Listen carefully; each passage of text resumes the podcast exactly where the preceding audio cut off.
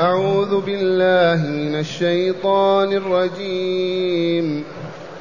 فإذا نفخ في الصور فلا أنساب بينهم فلا أنساب بينهم يومئذ ولا يتساءلون.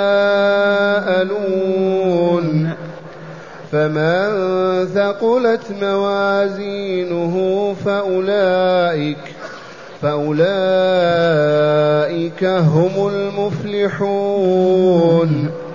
ومن خفت موازينه فأولئك الذين خسروا أنفسهم في جهنم خالدون. تلفح وجوههم النار وهم فيها كالحون. ألم تكن آياتي تتلى عليكم فكنتم بها تكذبون؟ قالوا ربنا غلبت علينا شقوتنا وكنا قوما ضالين. ربنا أخرجنا منها فإن عدنا فإنا ظالمون. قال اخسأوا فيها ولا تكلمون إنه كان فريق من عبادي يقولون يقولون ربنا آمنا فاغفر لنا فاغفر لنا وارحمنا وأنت خير الراحمين. فاتخذتموهم سخريا حتى أنسوكم ذكري حتى أنسوكم ذكري وكنتم منهم تضحكون. إني جزيتهم اليوم بما صبروا أنهم هم الفائزون. اللهم اجعلنا منهم. معاشر المستمعين والمستمعات من المؤمنين والمؤمنات قول ربنا تعالى فإذا نفخ في الصور أذكركم بأن الصور المكية كما علمتم تقرر التوحيد والنبوة والبعث الآخر. أي الحياة الثانية في الدار الآخرة. وتأملوا السياق تجدوه يقرر هذا. أولا أن لا إله إلا الله. ثانيا أن محمدا رسول الله.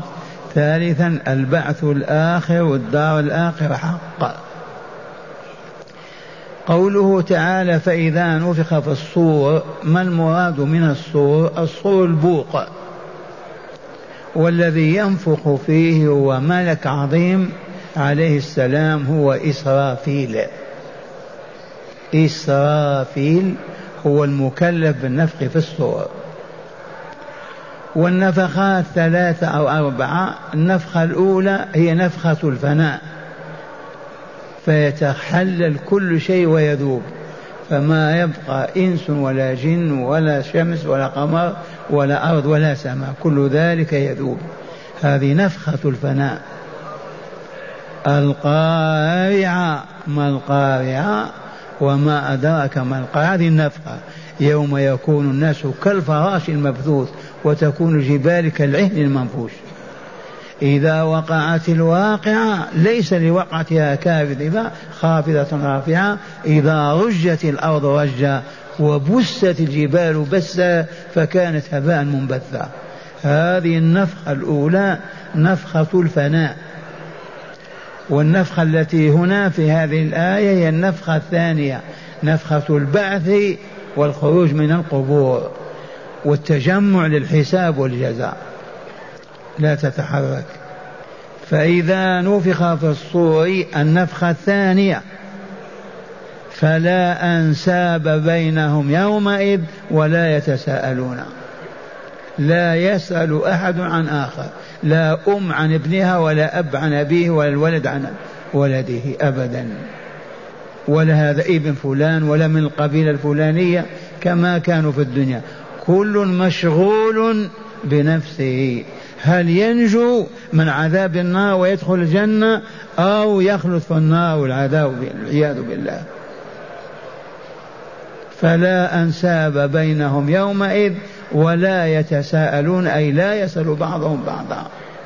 وهنا أخبر النبي صلى الله عليه وسلم في حديث عائشة رضي الله عنها إذ قالت له رضي الله عنها هل تذكرون أهليكم يوم القيامة؟ فقال أما في ثلاثة مواطن فلا. الموطن الأول إذا تطايرت الصحف إذا أخذ الملائكة يوزعون الكتب كتب الأعمال. في هذه الحال كل مشغول بنفسه لعل يعطى كتابه بيمينه فيسعد. هذا الموطن الأول إذا أخذت الصحف تطاير تتطاير وتوزع على أهل الموقف فلا يسأل أحد أحدا ولا يسأل أحد عن أحد. الموطن الثاني إذا الموطن الثاني إذا وضع الميزان لوزن الأعمال. فمن ثقلت موازينه فأولئك هم المفلحون ومن خفت موازينه فأولئك الذين خسروا أنفسهم. هذا الموطن ما يذكر أحد أحدا لا أب ولا أم ولا زوجة ولا زوج. الموطن الثالث إذا نصب الصراط على جهنم ليجتازوه إلى الجنة أو ليسقطوا في جهنم. في هذه الثلاثة مواطن لا يذكر الرجل زوجته ولا المرأة زوجه ولا الابن أباه ولا الأب ابنه. فلا أنساب بينهم يومئذ ولا يتساءلون. إذا فمن ثقلت موازينه فأولئك هم المفلحون. الموازين جمع ميزان أعمال العبد توزن بميزان. وهنا جاء الخبر عن سيد البشر بأن العبد يعمل الصالحات ويسيء إلى بعض الناس ويأخذ حقوقهم ويظلمهم فيأخذون فتأخذ الملائكة من حسناته وتعطي للذين ظلمهم وتضيف إلى حسناتهم.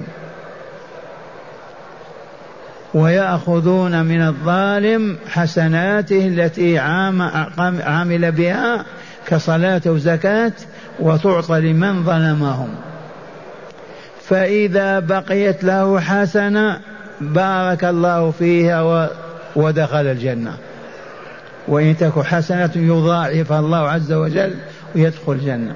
وإذا لم يبق له حسنة انتهت حسناته وبقي أيضا مسؤول من الآخرين الذين ظلمهم. فيؤخذ من سيئاتهم ويوضع عليه ويلقى في جهنم.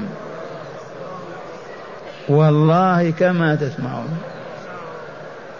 إذا وضع الميزان وأخذت أعمال العباد توزن فالذي ظلم غيره من عباد الله يؤخذ من حسناته ويعطى للذين ظلمهم.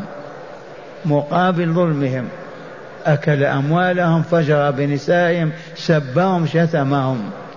يؤخذ من حسناته فإذا لم يبق له حسنات ماذا يصنع؟ إن بقيت له حسنة يضاعفها الله ويدخل الجنة.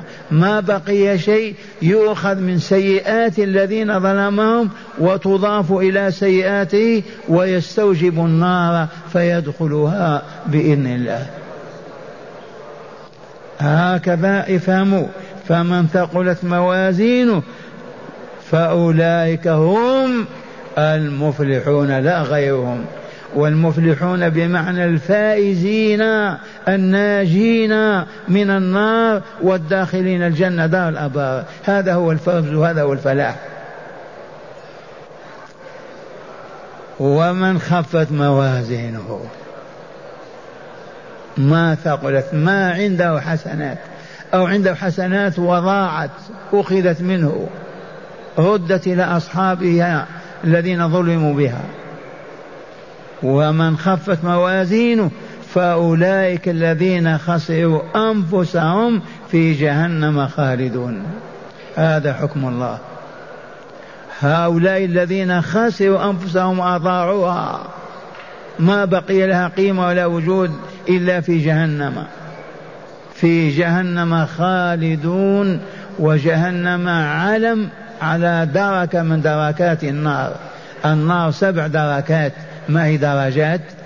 دركة تحت دركة وجهنم واحدة منها. وهي من أشد النار حرارة. خالدون أبدا لا يخرجون.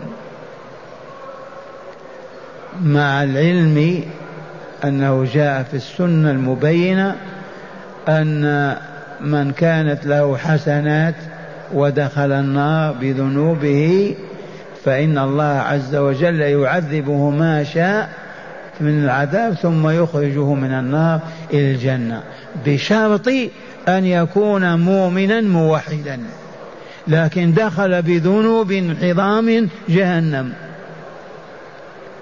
فهل يخرج من النار أو يخلد فيها؟ لا يخلد فيها إلا المشركون الكافرون. الملاحدة.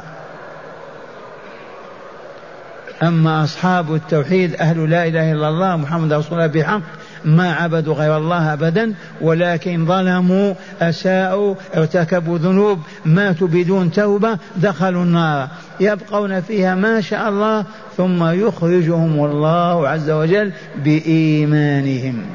فإن الله يخرج من النار من كان في قلبه مثقال ذرة من إيمان كما جاء في صحيح مسلم وغيره. ثم قال تعالى عنهم تلفح وجوههم النار وهم فيها كالحون. ما هو مجرد خلود فقط يأكلون ويشربون.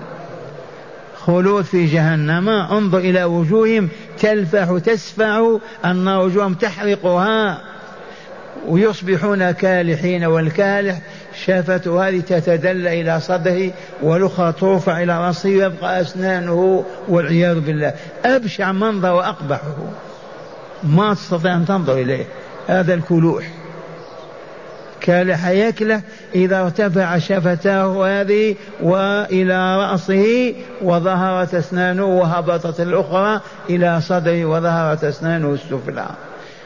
والنار قد أحرقت وجهه كاملا. تلفح وجوههم النار وهم فيها كالحون. معاشر المستمعين هذا كلام الله. واضح وإلا لا؟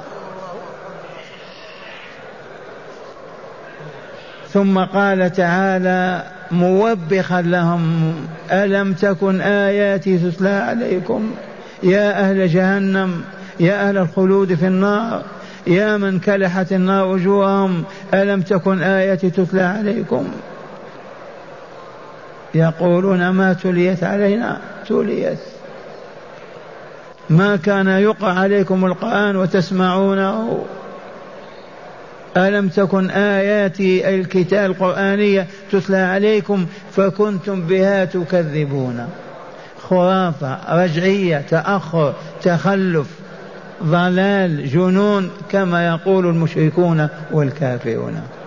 فكنتم بها أي بتلك الآيات القرآنية التي يتلوها رسول الله والمؤمنون في كل زمان ومكان تتلى تقرأ عليكم فكنتم بها تكذبون. غير مؤمنين بها ولا مصدقين بأنها كلام الله ووحيه أوحاه إلى رسوله وكتابه أنزله عليه. وهذا شأن الملاحدة والعلمانيين والبلاشفه الحمر والمكذبين والعياذ بالله إلى الآن وإلى يوم القيامة. وإن نزلت الآيات في مكة في أبي جهل وأبي لهب ولكن العبرة بعموم اللفظ لا بخصوص السبب. لأن القرآن كتاب هداية ما هو كتاب ساعة أو حكاية كتاب هداية للخلق إلى يوم القيامة. ألم تكن آياتي تتلى عليكم فكنتم بها تكذبون؟ ماذا يقولون؟ قالوا ربنا غلبت علينا شقوتنا وكنا قوما ضالين. هذا العذر ينفع يجديهم غلبت علينا شقوتنا. أنت كتبت في كتاب المقادير أننا أشقياء فغلب ذلك حالنا وما استطعنا نعبدك ولا نوحدك. هذا عذر يقبل. وكنا قوما ضالين. والله ما يقبل هذا العذر أبدا. ربنا أخرجنا منها. هم الآن هذا كلام يقولهم في النار. ربنا أخرجنا منها أي من النار. فإنا ظالمون. اعترفوا بظلمهم بشركهم وكفرهم وفسقهم وفجورهم. وطلبوا من الله أن يخرجهم من النار. بما أجابهم الله. ماذا يقول لهم؟ قال اخسئوا فيها ولا تكلموني. اخسأوا ابعدوا في أوتين جهنم أذلا منهانين ولا تكلموني. اخسأوا وسواء يقول هذا رب تعالى أو يقوله ملك جهنم المسؤول عنها. قالوا يا مالك ادع لنا ربك يخفف عنا. ليقضي يا مالك ليقضي علينا ربك نموت حتى نستريح من العذاب. والشاهد عندنا في أن الله يقول لهم بنفسه أو بواسطة ملكه المعوب بملك النار اخسأوا فيها معنى ابعدوا في أعماقها أذلاء ولا جواب لكم. لماذا؟ إنه كان فريق من عبادي يقولون ربنا آمنا فاغفر لنا وارحمنا وأنت خير الراحمين. فاتخذتموهم سخريا وكنتم منهم تضحكون. وهذه أول من تتناوله بلال صهيب عمار خباب في مكة. كانوا يسخرون منهم يستهزئون بهم يضربونهم يحملونهم الأحمال الثقيلة لأنهم كانوا شبه عبيد مملوكين. خبيب خباب وعمار وصهيب وبلال. أول من يدخل في هذه الآية. فاتخذتموهم سخريا تهزؤون وتسخرون منهم حتى أنسوكم ذكري. ما أصبحتم تعرفوني ولا تسألون عني. شغلكم الباطل واللهو والعبث والسخرية ما انتفعتم بكتاب الله الذي يتلوه رسولنا وأصحابه. فاتخذتموهم سخريا وقرئ سخريا أيضا أي تحملونهم ما لا يطيقون وتكلفونهم أعمال وأتعاب. تنكلون بهم وتشددون لأنهم كيف يؤمنون بمحمد وبما جاء به. حتى أنسوكم ذكري وكنتم منهم تضحكون. وإلى الآن الملاحدة والعلمانيين المصابين بالإلحاد والكفر يسخرون من المؤمنين ويضحكون من صلاتهم وصيامهم ومن لحاهم ومن لباسهم ومن كل حالهم. والله العظيم.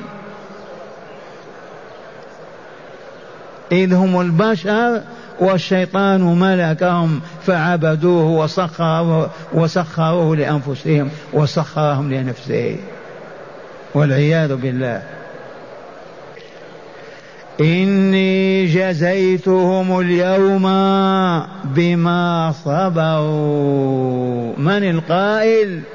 الله جل جلاله وعظم سلطانه. إني جزيتهم جزاما بلالا وعمار وصويب وخبابا وكل مؤمن عذب في ذات الله وسخر منه واستهزئ به في الدنيا. وصبر على إيمانه وتقواه حتى لقي الله ربه. هذا في هذه الجماعة يقول تعالى إني جزيتهم اليوم بما صبروا. جزاهم بماذا؟ برضاه عنهم وادخال جنته دار النعيم المقيم. إن وإنهم هم الفائزون. ويقرأ أنهم وإنهم والكل صحيح قراءتان لأنهم الفائزون إنهم الفائزون. الفائزون جمع فائز. تعرفون فاز فلان في الكرة وإلا لا؟ نجح. فاز في تجارته.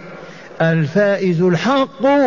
هو الذي ينجو من النار فلا يدخلها ويدخل الجنة دار النعيم ويعيش فيها. هذا والله هو الفوز. ما هو ربحك شاة أو بعير أو زوجة أو ولد؟ وتذكرون حكم الله في هذه القضية؟ قد أفلح من زكاها وقد خاب من دساها.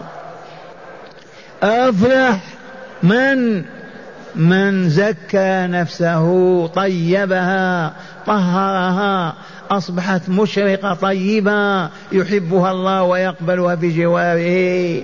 بما زكاها بالماء والصابون لا زكاها بالإيمان وصالح الأعمال وأبعدها عما يخبثها عما يدسيها يعفنها من الشرك والكفر والذنوب والآثام. هذا الذي أفلح وعكسه من خاب وخسر دنياه وأخراه. المشرك الكافر الفاسق الفاجر الذي صب على نفسه أطنان الذنوب والآثام فأصبحت عافنة منتنة. لا يحبها الله ولا يرضى أن تكون في جواره. إذا فمصيرها جهنم وصاحبها هو الخاسر وهذا هو الخسران المبين. معاشر المستمعين أتلو عليكم الآيات مرة ثانية. تأملوا كلام واضح. فقط حرمونا من الاجتماع عليه ومن دراسته. وقالوا تفسير القرآن صوابه خطأ. والله كتبوها في كتبهم. تفسير القرآن صوابه خطأ وخطأه كفر. من يتكلم حينئذ؟ من يقول قال الله؟ من يقول قال الله؟ يكفر. هكذا وضعوا لنا. فأصبحنا لا نجتمع على القرآن إلا ليلة الميت فقط والموتى ليالي سبع أو ثلاث.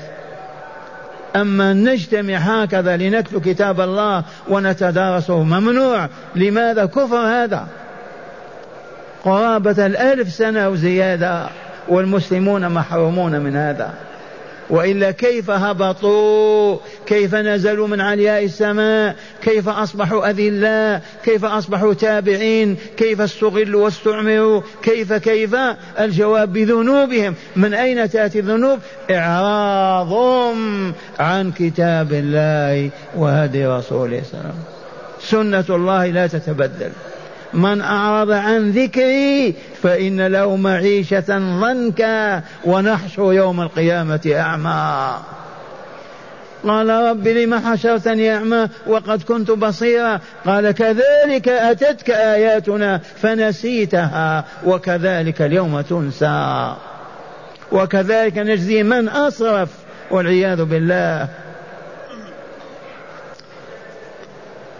الآيات مرة ثانية وتأملوها آية بآية. فإذا نفخ في الصور فلا أنساب بينهم يومئذ ولا يتساءلون. لماذا مشغول كل واحد بنفسه؟ هذا في عرصات القيامة في ساحة فصل القضاء. فمن ثقلت موازينه فأولئك هم قولوا المفلحون.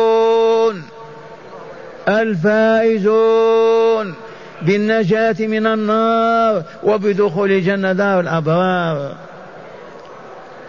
ومن خفت موازينه فأولئك الذين خسروا أنفسهم في جهنم خالدون.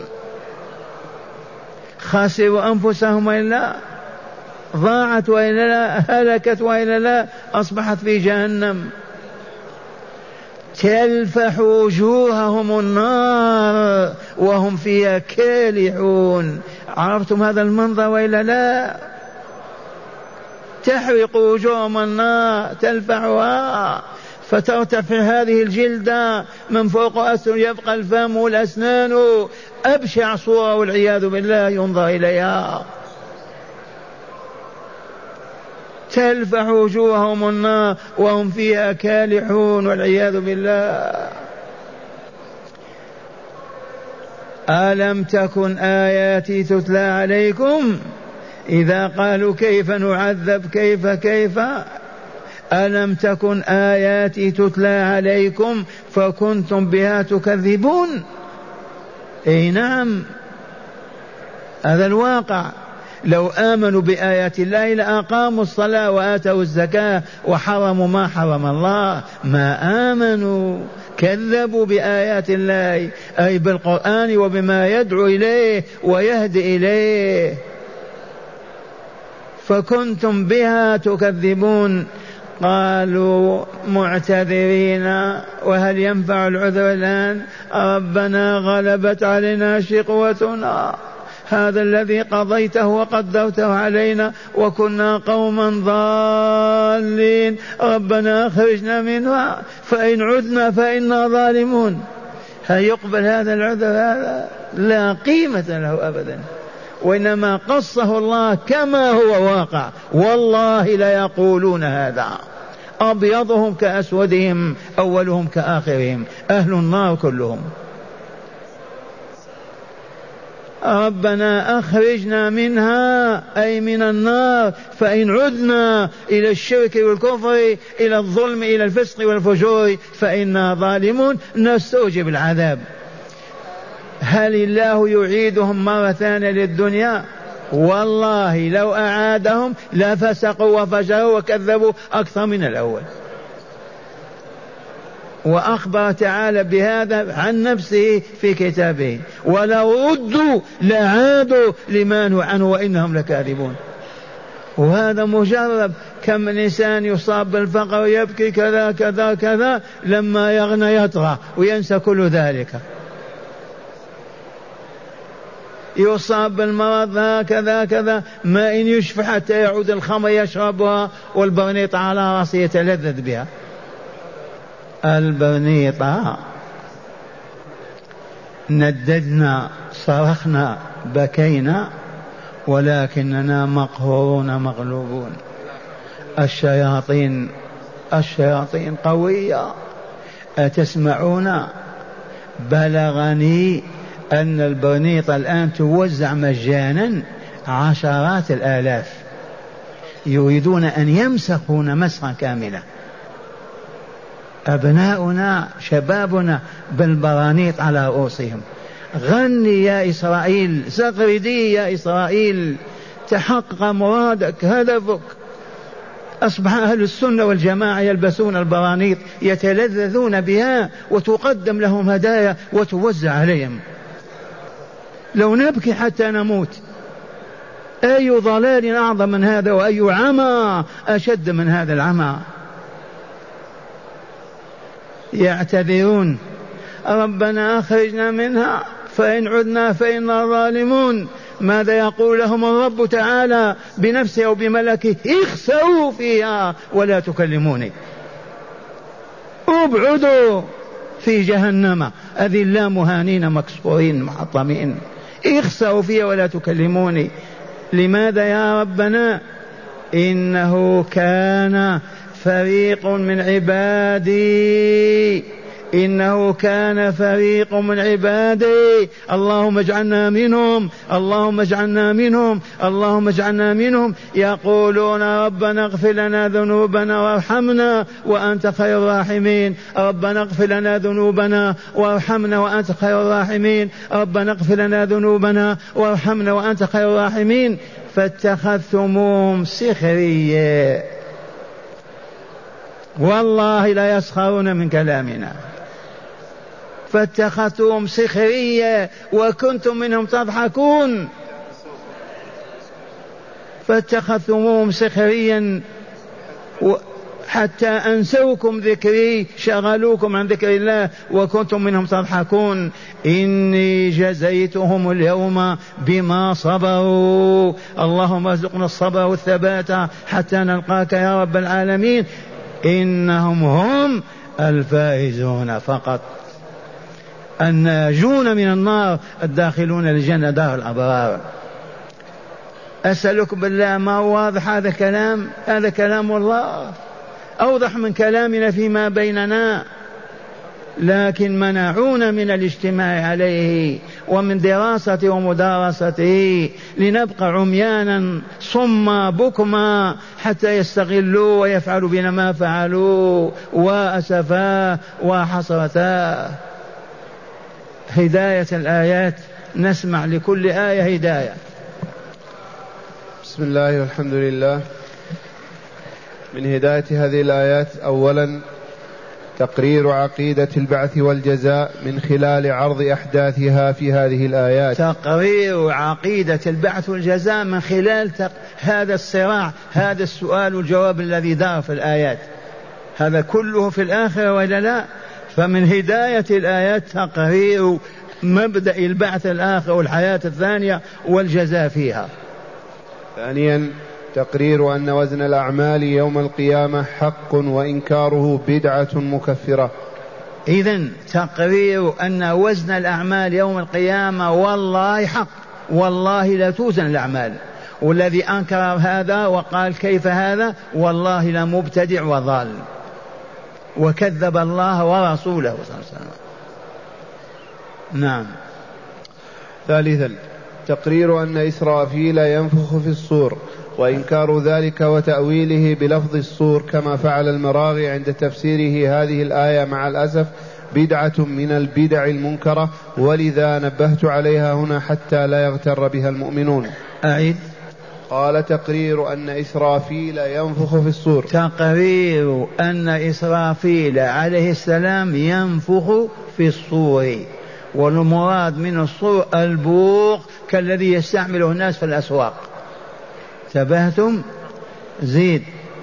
قال وإنكار ذلك أنكر هذا مؤلف ومفسر المراقي ورد عليها العلم وهو أخطأ. أول الصور ب بالصور ونفخ في الصور ونفخ في الصور وهذا تأويل باطل باطل باطل باطل. رابعا الاعتذار بالقدر لا ينفع صاحبه إذ القدر مستور. آه. الاعتذار بالقدر ما ينفع. هل نفعهم ما اعتذروا؟ اعتذروا بين يدي الله وقالوا هذا الذي كتبت وقدرت علينا. الاعتذار بالقضاء بالقضاء والقدر باطل. إذني زنيت تبت كفرت تب سرقت رد المال وهكذا ما تقول قضاء الله وقدره. لا تعول عن القضاء والقدر ولا تفكر فيه أبدا إلا أنك إذا أصبت تقول ما شاء الله كان وما لم يشاء قدر الله حتى تخفت نفسك من الكرب والهزل. أما أن تحتج بالقضاء والقدر وتقول أنا كتب الله علي أن أعيش زانية والله ما أحتج بهذا. أبدا. ولا يقبل هذا العذر أبدا. قال الاعتذار بالقدر لا ينفع صاحبه إذ القدر مستور فلا ينظر إليه فلا ينظر إليه. والعبد مأمور فليؤتمر بأمر فليأتمر بأمر الله ورسوله ولينتهي بنهيهما. ما دام العبد قادرا على ذلك فإن عجز فهو معذور. نحن مأمورون بأن نطيع الله ورسوله في حدود طاقتنا. أما أن نقول كتب الله علينا هذا وقدره ونستمر على معصية الله ورسول فهذا باطل باطل باطل. نحن مأمورون بأن نطيع الله ورسوله في حدود طاقتنا ونلقى الجزاء في الدنيا والأخرى على تلك الطاعة. أما أن نتكبر أن نعرض أن نعبد الهوى والشهوات والشياطين ونقول هذا كتبه الله وقدره هذا الاعتذار باطل باطل باطل ولا يصح من مؤمن أبدا. بيان مدى حسرة أهل النار لما يجابون لما يجابون بكلمة اخسأوا فيها ولا تكلمون. بيان مدى حسرة أهل النار لما يقال لهم يخسوا حسرة كيف تكون؟ من يقدرها؟ نعم. فضيلة التضرع إلى الله تعالى ودعائه والتوسل إليه بالإيمان وصالح الأعمال. بيان فضيلة الدعاء دعاء الله وسؤال الله والاستغفار والتوبة والتقوى. كل هذه نعم أنعم الله بها على المؤمنين والمؤمنات. ما ننساها. ومن ذلك الصبر على تقوى الله عز وجل. والوسيلة في الدعاء. لأنهم قالوا ربنا إننا آمنا فاغفر لنا ذنوب. توسلوا إلى الله بإيمانهم. وهنا حقيقة. يا أبناء الإسلام يا نساء المؤمنات التوسل بحق فلان وبجاه فلان وبالتمسح بالجدار وباستقبال القبر وكذا كل هذه والله أباطيل وترهات وضلالات. التوسل الحق أن تصلي ركعتين وترفع يديك إلى ربك. أن تخرج ريال من جيبك تضعه في يد فقير ومسكين تقول يا ربي فعلت كذا أعطيني كذا. أن تدعو الله عز وجل وتستغفر تقول رب دعوتك فاستجب لي. هذا هو التوسل بالإيمان والعمل الصالح. ربي بإيماني بك وبرسولك وبإيماني بلقائك فرج ما بي كفر عني ذنبي. هذا توسل أما التوسل الشيطاني هذا للإيقاع في الشرك والباطل بحق فلان وبجاه فلان فوالله ما هو توسل إلا منكر وباطل. فهمتم هذه ولا لا؟ عرفت كيف تتوسل؟ صوم غدا الاثنين قبل أن تفطر. ارفع يديك. ربي أنا محتاج إلى كذا وكذا وصمت لوجهك. أسألك بصيام هذا أن تفرج ما بي. عملا صالحا قدمته. قم في ظلام الليل. اركع واسجد واسأل ربك. أما أعطيني بحق فلان وأسألك بجاه فلان كل هذا من وضع الزنادقة والمضللين. أو انتهوا موجودون وإلا لا يوزعون البرانيق. حرمة السخرية بالمسلم والاستهزاء به والضحك منه. حرمته الحرمة الشديدة العظيمة الاستهزاء بالمؤمن والسخرية منه والتهكم به والضحك عنه. هذا من الذنوب البشعة العظيمة. حسب أن الله ذكرها ولا لا فلا يحل لمؤمن أبدا أن يسخر من مؤمن أو يستهزأ به أو يضحك عنه أو يضحك به بل يجب احترامه حبه موالاته مساعدته الوقوف إلى جنبه إذا احتاج إليه لأنه يقف ضده ويسخر منه كما فعل المشركون مع بلال وعمار وصهيب. وأخيرا فضيلة الصبر ولذا ورد أن منزلة الصبر من الإيمان كمنزلة الرأس من الجسد. نعم منزلة الصبر من الإيمان. بمنزلة الرأس من الجسد. إذا أخذت الرأس يبقى الجسد له قيمة؟ ها؟ لا قيمة له. فالإيمان إذا ما صبرت ما بقي له قيمة. الصبر حبس النفس وهي تصرخ كارهة على طاعة الله ورسوله. فلا تعصي ولا تترك الطاعة. الصبر حبس النفس على المكاره من أجل الله عز وجل ومن أجل لقاه وحبه.